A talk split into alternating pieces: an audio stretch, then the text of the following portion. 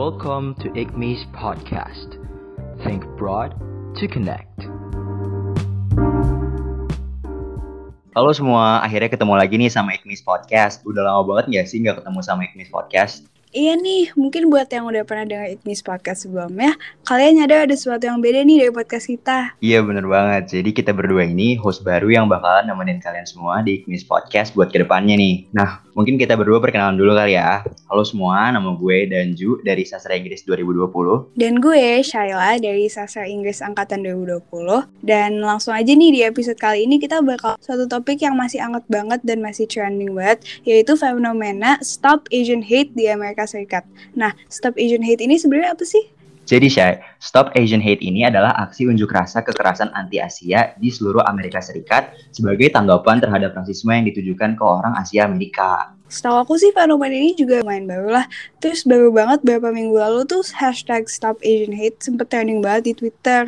Nah aku kan sendiri ARMY, aku suka BTS. Terus BTS tuh kan kayak salah satu representative Asian musicians gitu di Amerika, especially karena mereka perform di Grammy. Nah, fans-fans BTS tuh pada marah banget sama Grammy karena katanya mereka kayak racist dan kayak nggak fair gitu sama BTS karena mereka ditaruh di akhir tapi mereka nggak dikasih penghargaan apa-apa. Nah, BTS sendiri tuh di sama ini di Amerika juga sering dapat racist treatment kayak mereka tuh sempat ada di cover majalah gitu terus yang lain tuh pokoknya kayak gambarnya tuh kayak gambar biasa sementara gambar BTS tuh kayak karikatur mereka lagi di stomp kayak guacamole gitu terus kayak muka mereka bonyok. Nah terus menurut fans-fans dan orang-orang tuh ini racist banget terhadap Asians. Iya gue juga lihat waktu di Twitter kemarin rame banget dari ARMY yang pakai hashtag Stop Asian Hate kayak gitu. Nah waktu lagi rame-ramenya itu tuh uh, lo tau gak sih ada kasus penembakan di Atlanta Menurut iya, jadi dari penembakan ini tuh ada delapan orang yang mati dan enam dari delapan orang itu adalah orang Asia Amerika. Jadi kayak buat komunitas Asia Amerika sendiri jadi gimana ya sebagai threat gitu dan bikin mereka takut dan jadi berita duka juga kan. Nah, jadi mm. Lagi rise-nya hashtag Stop Asian Hate ini, tiba-tiba ada kasus kayak gini, jadi makin kayak rame banget lagi gitu loh, sampai trending banget di Twitter, ya nggak sih? Hmm, benar-benar. Tapi mungkin kalau dengar pendapat dari kita doang, kayaknya kurang kali ya. Iya, daripada kita berdua yang cuma bisa ngomong doang nggak tahu banyak, mending kita undang ahlinya aja. Nah, untuk itu supaya kita lebih enak bicarain tentang fenomena ini, kita udah ngundang narasumber yang keren banget, yaitu Miss Asri, salah satu dosen sastra Inggris. Yeay, halo Miss Asri, apa kabar? Halo Miss Asri. Halo semuanya, apa kabar Daniel, Salah? Baik. Iya baik, Miss. Kalau gitu langsung aja nih ke pertanyaan pertama. Jadi Miss Afri kan sendiri itu dosen sastra Inggris yang specialty-nya itu di American Studies, Ethnic Studies and Migration, dan Asian American Literature and Culture. Nah, sebagai seseorang yang ahli dalam bidang-bidang ini, pandangan Miss Asri sendiri tentang fenomena Stop Asian Hate di Amerika Serikat ini gimana sih, Miss? Oh, oke. Okay. Terima kasih banyak ya sudah diundang di podcast ini. Iya. Yeah. Jadi secara pribadi tentu merasa sedih dan prihatin ya melihat apa yang sedang terjadi di Amerika saat ini dan kekerasan yang menimpa komunitas keturunan Asia atau Asian American di sana. Terutama sih karena ini sesuatu yang saya sempat pelajari juga karena kenal pribadi beberapa teman-teman keturunan Asia atau mahasiswa internasional Asia yang tinggal di Amerika dan melihat betapa mereka merasa khawatir takut dan tentang apa perasaan saya melihat terjadi sekarang untuk teman-teman Miss Asi sendiri di situ fenomena ini tuh emang baru kayak kelihatan banget dan marak sekarang atau udah dari dulu sebenarnya cuman kurang diperhatiin. Berarti ini pertanyaan mengenai segi sejarah ya? Iya. Iya. Yeah. menurut tanggapan Miss Asi sendiri. Kalau dari cerita beberapa teman-teman Asia yang tinggal di sana, ada beberapa yang saya kenal yang memang mengalami kekerasan ya. Misalnya sejak mm -hmm. zaman sejak masa COVID ini mereka mendapat perlakuan yang kurang enak jalan atau di tempat-tempat umum. Kalau bicara tentang sejarahnya, memang sudah sejak lama dan ini mungkin sesuatu yang banyak orang belum tahu ya, tapi mm-hmm. bahwa sejak lama memang orang Asia atau imigran Asia sudah menjadi itu sudah mengalami kekerasan, pengucilan, uh, dan bahkan ada sejumlah peraturan hukum. Jadi mungkin kita bisa lihat dari dua sisi kalau dari sejarahnya. Yang pertama, mm-hmm. sejarah imigrasi. Amerika kan terkenal sebagai negara yang membuka diri untuk semua imigran ya. simbolnya misalnya patung Liberty, patung Liberty ada tulisannya eh, ayo mari datang semua yang tulisan. Kan itu kan semacam ucapan selamat datang buat semua orang yang dari luar mau masuk Amerika ya. Tapi sebenarnya di Amerika sempat ada undang-undang yang membatasi melarang masnya imigran-imigran dan undang-undang yang pertama adalah undang-undang yang khusus mentasar imigran-imigran jadi dari Cina. Itu undang-undangnya tahun 1882 namanya Chinese Exclusion Law menyebut bahwa tidak boleh ada pekerja kasar dari Cina masuk ke Amerika. Kenapa bisa ada undang-undang itu? Sejarahnya agak mundur ke belakang lagi. Jadi di abad ke-19, orang-orang Cina, pekerja kasar Cina, Chinese labor, diundang atau diajak masuk ke Amerika sebagai pekerja jalur kereta api. Jadi saat itu ada jalur kereta api sangat panjang dari sisi paling timur Amerika ke sisi paling barat Amerika. Jadi bayangkan seperti dari Papua ke Sumatera gitu ya. Mm-hmm. Wah, iya juga ya. Pekerja-pekerja kasar ini kan harus melewati geografi yang begitu menantang maut, pegunungan. Nah, banyak pekerja dan ini sebenarnya dipekerjakan untuk itu. Mereka datang uh, dan bekerja, bersedia bekerja dengan gaji yang lebih rendah dibandingkan imigran kulit putih seperti orang Irlandia. Sesudah konstruksi jalur kereta api itu selesai, banyak kekhawatiran pekerja Cina ini akhirnya akan bekerja apa. Nah, dari situ mulailah ada sentimen-sentimen berbasis ya, orang-orang yang khawatir imigran-imigran dari Cina ini akan mengambil alih pekerjaan-pekerjaan orang kulit putih, terutama karena pekerja atau imigran Cina ini bersedia untuk dibayar lebih rendah um, cenderung tidak banyak protes. Ya, dari situlah ya, politik dan lain-lain, politik lokal, senator-senator yang ingin mendapat dukungan dari pekerja-pekerja kulit putih memutus lalu keluarlah undang-undang ini. Tadinya sifatnya lokal, kemudian sifatnya federal, begitu. Jadi itu saja sudah menjadi indikasi bahwa sudah ada semacam sentimen berbasis ras terhadap orang Asia.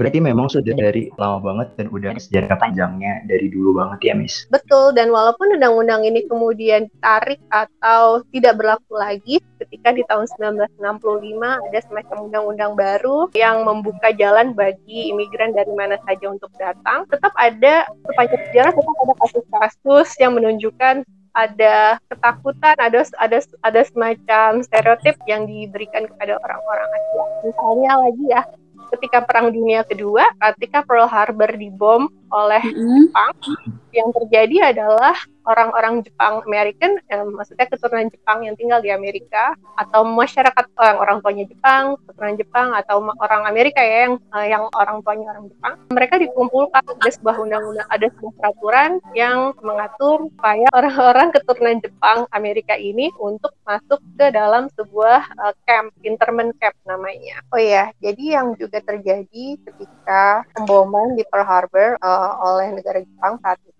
ketika Pearl Harbor itu pemboman Pearl Harbor terjadi kan sudah banyak orang Japanese American yang tinggal di Amerika ya, yang punya usaha, bisnis, datang karena satu dan lain hal, punya keluarga. Di situ ada ketakutan bahwa orang Jepang, Japanese American adalah mata-mata untuk empire Jepang. Jadi ada peraturan dikeluarkan oleh presiden saat itu yang memerintahkan orang Japanese American untuk berpindah membawa harta benda adanya mereka dan berpindah ke camp-camp. Itu disebut sebagai interment camp. Mereka tinggal situ dengan segala macam kecurigaan ya. Dianggap adalah mata-mata atau masih punya loyalitas pada kerajaan Jepang. Ya penyebabnya adalah ketakutan ya hmm. dan itu terjadi semacam menuduh mereka sebagai orang-orang yang tidak loyal terhadap Amerika, kemudian mengambil atau dengan demikian ketika mereka berpindah kan harta bendanya jadi tidak jelas ya menjadi milik siapa. Banyak bisnis-bisnis mereka yang tutup, diambil alih atau hilang gitu. Dan itu terjadi selama beberapa tahun. Itu sebuah tindakan yang kenal sebagai sebuah tindakan yang sangat tidak manusiawi hanya karena berdasarkan kecurigaan dan ketakutan. Akhirnya mereka dipulangkan hanya dengan diberi 25 dolar untuk bisa naik kereta pulang dan hmm. banyak yang kembali dengan harta benda yang sudah tidak jelas ada di mana. Rumah sudah ditinggali orang lain dan lain-lain. Itu yang terjadi di masa Perang Dunia Kedua. Jadi sudah begitu banyak sebenarnya bentuk-bentuk kekerasan terhadap orang keturunan Asia di Amerika dan mungkin cerita mengenai hal tersebut tidak terlalu banyak terdengar dibandingkan kekerasan terhadap orang kulit hitam di Amerika ya. Itu sejarah yang pertama mengenai imigrasi. Sejarah yang kedua yang juga menarik sebenarnya mengenai kesehatan dan ini agak ada hubungannya dengan apa yang terjadi sekarang. Jadi sejalan dengan ketika masa tidak sukaan terhadap orang keturunan Cina di Amerika saat itu yang tadi saya bercerita ya setelah apa ada ketakutan orang Chinese American atau Asian American akan mengambil alih pekerjaan. Saat itu juga di San Francisco ada kekhawatiran-kekhawatiran mengenai kesehatan isu kesehatan. Jadi ada masa-masanya wabah smallpox juga pes dan sifilis muncul beberapa kasus di Chinatown. Ditambah dengan stereotip mereka, stereotip orang Amerika yang melihat orang Asian yang punya gaya hidup yang agak berbeda, berpakaian dengan cara berbeda. Chinatown juga digambarkan sebagai tempat yang tidak higienis dan lain-lain. Menimbulkan imajinasi mereka tentang orang Asian American yang tidak bersih gitu, yang membawa penyakit stereotip-stereotip yang tidak bisa dibenarkan ya. Karena sebenarnya smallpox juga terjadi di kawasan-kawasan masyarakat kulit putih. Jadi dari situ ada ketakutan mengenai orang Asia sebagai pembawa wabah. Dan ada banyak buku karya-karya jurnal-jurnal yang membahas mengenai hal ini. Dan teman-teman nanti bisa baca lagi. Salah satu buku yang saya sarankan judulnya Contagious Divide ditulis oleh Nayan Shah. Dia menulis mengenai bagaimana dalam bahasa para pekerja kesehatan nakes ya ketika mereka menulis laporan mengenai kondisi di Asia banyak kondisi di Chinatown banyak bahasa-bahasa yang menunjukkan stereotip dan bias ras jadi basically Asians itu udah face diskriminasi yang parah banget ya. Dan menurut aku dari yang aku tangkap dari apa yang jelasin Miss Asri itu mereka discriminationnya kebanyakan gara-gara stereotyping dan gak semuanya sebenarnya benar. Jadi Asian Americans tuh lebih dilihat dari eksterior ya gitu ya Miss. Mungkin agak kurang tepat juga ya kalau kita bilang stereotipnya nggak semuanya hmm tapi lebih tepat mungkin stereotipnya seluruhnya salah gitu karena mm-hmm. macam ada pandangan keseluruhan kelompok etnis ini pasti sifatnya A B C gitu padahal ya kenapa mereka ditakutkan akan mengambil alih pekerjaan misalnya ya karena mereka tidak banyak protes dan sebenarnya mereka tidak butuh apa ya kebutuhan gajinya tidak sebesar orang-orang kulit putih karena ketika mereka datang buruh-buruh pekerja kereta api itu mereka tidak boleh membawa istri dan anak jadi mereka datang hmm. sendiri pekerja laki-laki yang kemudian harus hidup di dalam situasi yang serba terbatas, otomatis gaji yang dibutuhkan juga tidak sebanyak mungkin keluarga kulit putih yang punya keluarga ya have a family to go home to gitu. Jadi terbat stereotip itu atau pandangan buruk tentang orang Asia akan begini itu karena kurangnya pengetahuan ya tentang cara hidup, mengenai pandangan hidup dan kondisi hidup mereka sendiri begitu. Jadi ketika orang mungkin melihat orang luar melihat Chinatown kok kondisinya sesak atau satu kamar ditinggali banyak orang ya karena mereka tidak punya gaji cukup besar tulis by waste in the beginning gitu. Jadi mungkin lebih tepat untuk bilang bahwa ada stereotip dan bias yang memang sudah diberikan kepada orang Asia dan itu berubah-ubah stereotip dan bias rasnya dari zaman ke zaman ya mungkin kalau yang terjadi ketika abad ke-19 itu ketakutan bahwa oh pekerja dari Cina ini akan mengambil alih.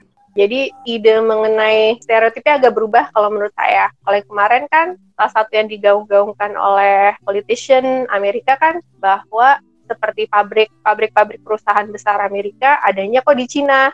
Jadi idenya kan Cina mencuri pekerjaan pekerja-pekerja kulit putih yang digembur gembar-gemborkan oleh politician saat itu ya, ketika masa Trump misalnya, begitu. Jadi idenya agak berubah sedikit dari yang tadinya ada orang Asia di dalam batas negara berusaha mengambil alih pekerjaan ke Tiongkok itu adalah negara yang mengambil alih ekonomi atau ide-ide mengenai kompetisi ya antara Amerika dan Cina masuk akal nggak? Masuk.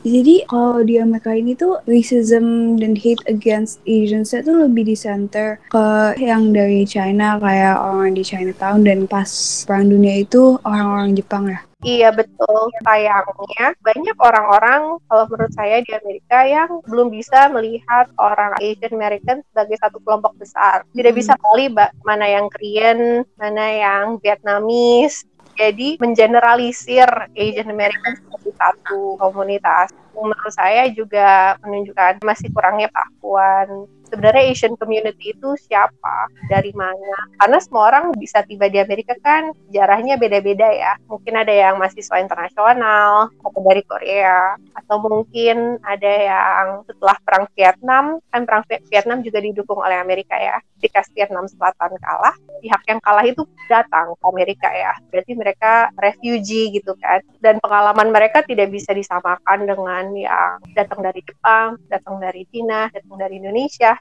Mungkin karena itu juga kita kemudian lihat bagaimana kasus ini ketika ada berita-berita negatif mengenai hubungan Amerika dan Cina, lantas menjadi semacam menjadi kebenaran untuk kekerasan terhadap semua orang yang nampak seperti Asia. Oke, kalau gitu bisa lanjut ke topik selanjutnya aja ya. Kalau tadi kita udah bahas dari segi sejarahnya nih, Miss. Kita sekarang mau balik ke masa sekarang nih. Kenapa sih yeah. rasisme terhadap orang Asia di Amerika Serikat ini meningkatnya sekarang di mana kita masih berada dalam pandemi COVID-19? Tadi dari segi sejarahnya juga Miss Asri udah bahas bahwa dulu ada kekhawatiran terhadap orang Asia Amerika mengenai isu kesehatan. Nah, apa ada hubungannya antara COVID-19 sendiri dengan meningkatnya rasisme terhadap orang Asia yang terjadi saat ini? Atau mungkin mungkin justru COVID-19 menjadi salah satu pemicu terjadinya kasus-kasus seperti ini? Oke, okay. kalau menurut saya, saya melihat polanya masih agak mirip dengan yang dulu ya, yaitu yang satu ekonomi, karena seperti saya cerita tadi, pemimpin-pemimpin di Amerika sempat menjadikan atau membicarakan Cina sebagai lawan main gitu ya, kan ada trade yeah. war, bahwa oh kenapa sih orang-orang Amerika banyak yang tidak punya pekerjaan, lalu yang disalahkan dan dijadikan kambing hitam adalah Cina, dikatakan. Yeah pabrik-pabrik perusahaan Amerika pindah ke Cina itu kan seperti menyalahkan kenapa kamu tidak bisa punya pekerjaan hari ini tuh karena negara Cina mengambil alih pekerjaan itu itu kan seakan-akan seperti itu ya itu yang pertama. Jadi bahwa memang ada semacam wacana yang digunakan yang menempatkan Cina lawan dari negara Amerika. Padahal kan sebenarnya lawannya adalah sistem kapitalisme itu sendiri ya yang menyebabkan perusahaan-perusahaan Amerika milih buat mendirikan pabriknya di negara Asia gitu ke Asia juga kalau menurut saya kita juga nggak minta begitu ya untuk menyediakan buruh dipekerjakan dengan gaji yeah. buat menciptakan semua produk-produk tersebut gitu setiap kali lihat ada baju bermerek yang buatan Indonesia gitu kan kita juga miris gitu ya. Karena berarti mungkin buruh kita diperlakukan digaji dengan amat murah. Itu yang pertama jadi masalah ekonomi. Tapi yang kedua menurut saya masih ada itu sih imajinasi mengenai tubuh dan budaya orang-orang Asia yang dilihat sebagai other atau bahasa Indonesia-nya lian gitu karena sedikitnya pengetahuan tentang budaya Asia itu seperti apa. Ketika ada COVID-19 lalu misalnya yang diketahui ini adalah berasal dari pasar basah di As di Cina lelawar gitu-gitu ya. Itu menimbulkan imajinasi juga mengitu mengenai tubuh dan budaya orang Asia. Karena memang minimnya pengetahuan yang dimiliki orang-orang non Asia mengenai kehidupan di Asia seperti apa gitu jadi itu menurut saya turut membangun hal itu juga, turut menjadi faktor penyebab sehingga muncul kekerasan dan hmm. kekerasan orang Asia. Tapi penting buat melihat ini bukan sebagai fenomena yang anomali atau fenomena yang baru muncul, karena sebenarnya hmm. indikasinya kita sudah lihat ini sejak jauh-jauh hari gitu. Oke, berarti emang udah dari lama ya, Miss. Udah kejadian kayak gini dan bukan suatu yang perlu, oh, kok tiba-tiba sekarang ternyata emang udah ada sejarahnya dari dulu gitu. Betul, dan sulitnya posisi orang Asia di Amerika itu karena Amerika itu kan ketegangan antar rasnya sangat dominan ketegangan antara kulit putih dan kulit hitam ya. Lalu posisi orang Asia di mana? Karena kok posisi orang Asian Asian American kan juga komunitas yang cukup besar. Tapi bagaimana sih mengekspresikan diri, menempatkan diri di tengah ketegangan rasial kulit putih dan kulit hitam itu. Nah, yang terjadi sebenarnya sudah cukup lama orang Asian American dilihat atau digunakan sebagai kelompok minoritas yang digunakan untuk menekan kelompok minoritas lain Jadi ada mitos misalnya orang American sebagai orang-orang yang berhasil, orang-orang yang pintar. Mungkin teman-teman lihat ya kalau di film-film Hollywood biasanya tokoh-tokoh Asian American itu peran-perannya Iya. apa misalnya. Yang Iya, jadi kayak- nerd. Kalau di high school gitu jadi yang nerd dan kayak bagus matematika gitu. Film-film kayak Crazy Rich Asians gitu-gitu kan. Betul, jadi seperti feeding into the idea of orang Asian, Asian American sebagai orang-orang yang sukses, pintar, pekerja-pekerja tech, teknik gitu misalnya, startup dan lain-lain ya. Dan ide itu ada ada katanya sebenarnya yang dipakai oleh di media. Saya lupa persisnya munculnya kapan sih tahun 60-an ya. Saya lupa tapi ada istilah model minority. Jadi di orang Asian Oh, American sebagai model minority dan yang menunjukkan nih orang-orang yang pernah ditaruh di internment camp datang juga dengan tidak punya apa-apa bisa berhasil begitu ya. Lanjutannya adalah kenapa kamu tidak bisa? Kamu maksudnya orang-orang minoritas yang lain yang Hispanik, Latinx, kulit hitam dan lain-lain gitu. Jadi dengan kata lain, orang Asian American dipakai oleh sistem menjadi ukuran sukses migran, migrasi orang-orang yang berpindah gitu. Dan dengan demikian seperti menyalahkan orang-orang ras minoritas lain kalau mereka tidak bisa berhasil karena buktinya orang Asian American bisa. Nah, itu kan lebih menciptakan division ya, membagi-bagi Iya. gitu kelompok minoritas satu dengan kelompok minoritas yang lain, lalu pitting them against one another gitu, ketimbang menyelesaikan rasisme sistemik yang sebenarnya menimpa ras-ras minoritas ini. Jadi bukannya bersatu melawan rasisme sistemik malah jadi dikambing hitamkan gitu ya, Miss. Jadi dipecah belah gitu. Iya, dan itu juga mereduksi lagi tuh stereotip. Jadi kalau tadi ada stereotip tentang orang Asia yang mungkin apa ya, cara hidupnya berbeda, gaya hidupnya beda, makanannya beda dan lain-lain. Ini ada stereotip lain. Stereotipnya adalah mereka orang-orang pintar, tanda kutip, Hmm. orang berhasil dan sukses gitu. Yang juga sama merugi stereotip ini juga sama merugikannya gitu karena dia di stereotip ini tidak mencakup misalnya orang-orang yang mungkin nggak pengen jadi ahli orang-orang Asian American yang nggak pengen ja- jadi ahli matematik atau scientist gitu misalnya Iya. pengen aktor, rapper, artis gitu dan juga menimbulkan persaingan antar ras minoritas maaf kalau saya boleh nambahin jadi ras minoritas lain mereduksi orang Asian American juga menjadi menstereotipkan mereka sebagai orang-orang berhasil titik dan tidak melihat Hmm. kompleksitasnya bahwa ternyata banyak yang masih bekerja pekerjaan yang gajinya tidak besar banyak Hmm. yang bekerja di apa ya kalau yang kemarin terjadi kekerasan itu kan di nail salon, massage parlor gitu-gitu ya. Itu kan Iya. gaji-gaji yang sangat kecil gitu. Itu bukan ide model minority seperti yang dibayangkan Hmm. kebanyakan orang begitu. Jadi masih ada stereotip juga di sini yang mengeneralisir pengalaman Asian American society di Amerika. Miss, kalau aku boleh tanya, kan tadi Miss Asri bilang kayak ras minoritas lain tuh kayak also nge-suppress Asian Americans gitu kan. Sementara kayak people of color di Amerika tuh kan banyak dan each of them tuh ngalamin rasisme, especially contohnya African Americans kan, black people kayak kemarin kayak Black Lives Matter kayak mereka tuh pengen orang-orang lain buat stop rasis ke mereka, cuman ada beberapa kasus di mana kayak sesama people of color dan kayak ras minoritas tuh kayak racist ke ras minoritas lain kayak misalnya contohnya African American kayak rasis ke Asian Americans. Sementara mereka sendiri tuh pengen kelompok mereka tuh buat dihargain gitu. Cuman mereka beberapa orang itu nggak bisa ngehargain kelompok lain. Itu gimana menurut Miss? Mungkin saya salah ya mungkin maksud saya bukan berarti orang ras minoritas lain merepresi orang Asian American ya tapi maksud Hmm. saya pengetahuan orang ras minoritas lain terhadap orang Asian American jadi terbatas karena saking kuatnya stereotip orang Asia sebagai model minority itu tadi gitu Hmm. Lebih ke situ. Kalau perlakuan kekerasan yang dialami, yang dilakukan satu ras minoritas ke ras minoritas lain, saya sih cenderung melihat untuk tidak terburu-buru bilang bahwa misalnya, oh semua Black American berarti tidak mendukung the Asian American people atau semua itu karena kita tidak bisa menggeneralisir ya. Kalau kita melihat video Iya. mengenai ke satu orang satu orang yang kebetulan ras minoritas tertentu melakukan kekerasan terhadap ras minoritas lain kan nggak berarti berarti oh the whole community is is like that gitu kan enggak tapi mungkin yang perlu kita kenali adalah bahwa memang ada struktur sistem wacana yang membagi-bagi ras-ras kelompok-kelompok tersebut gitu. Yang membuat suasana seperti seakan-akan mereka harus saling kompet bahwa seakan-akan pekerjaan itu terbatas gitu. Jadi kamu harus serajin kelompok yang itu gitu misalnya ya. Lalu karena dia yang dibandingkan sebel dong gitu.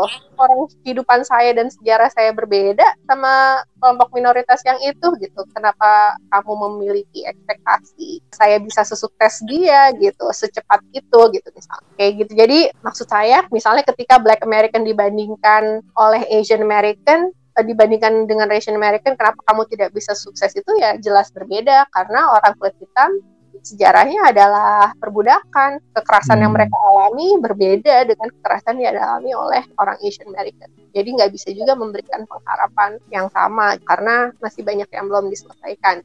Iya, yeah, iya. Maksud aku tuh tadi tuh ada kayak beberapa kasus kayak mm -hmm. fellow, kayak ridicule dan kayak racist ke POC lain yang bisa beda gitu. Kalau menurut saya itu membantu menunjukkan bahwa koalisi antaras itu sedang dalam posisi yang amat rentan ya.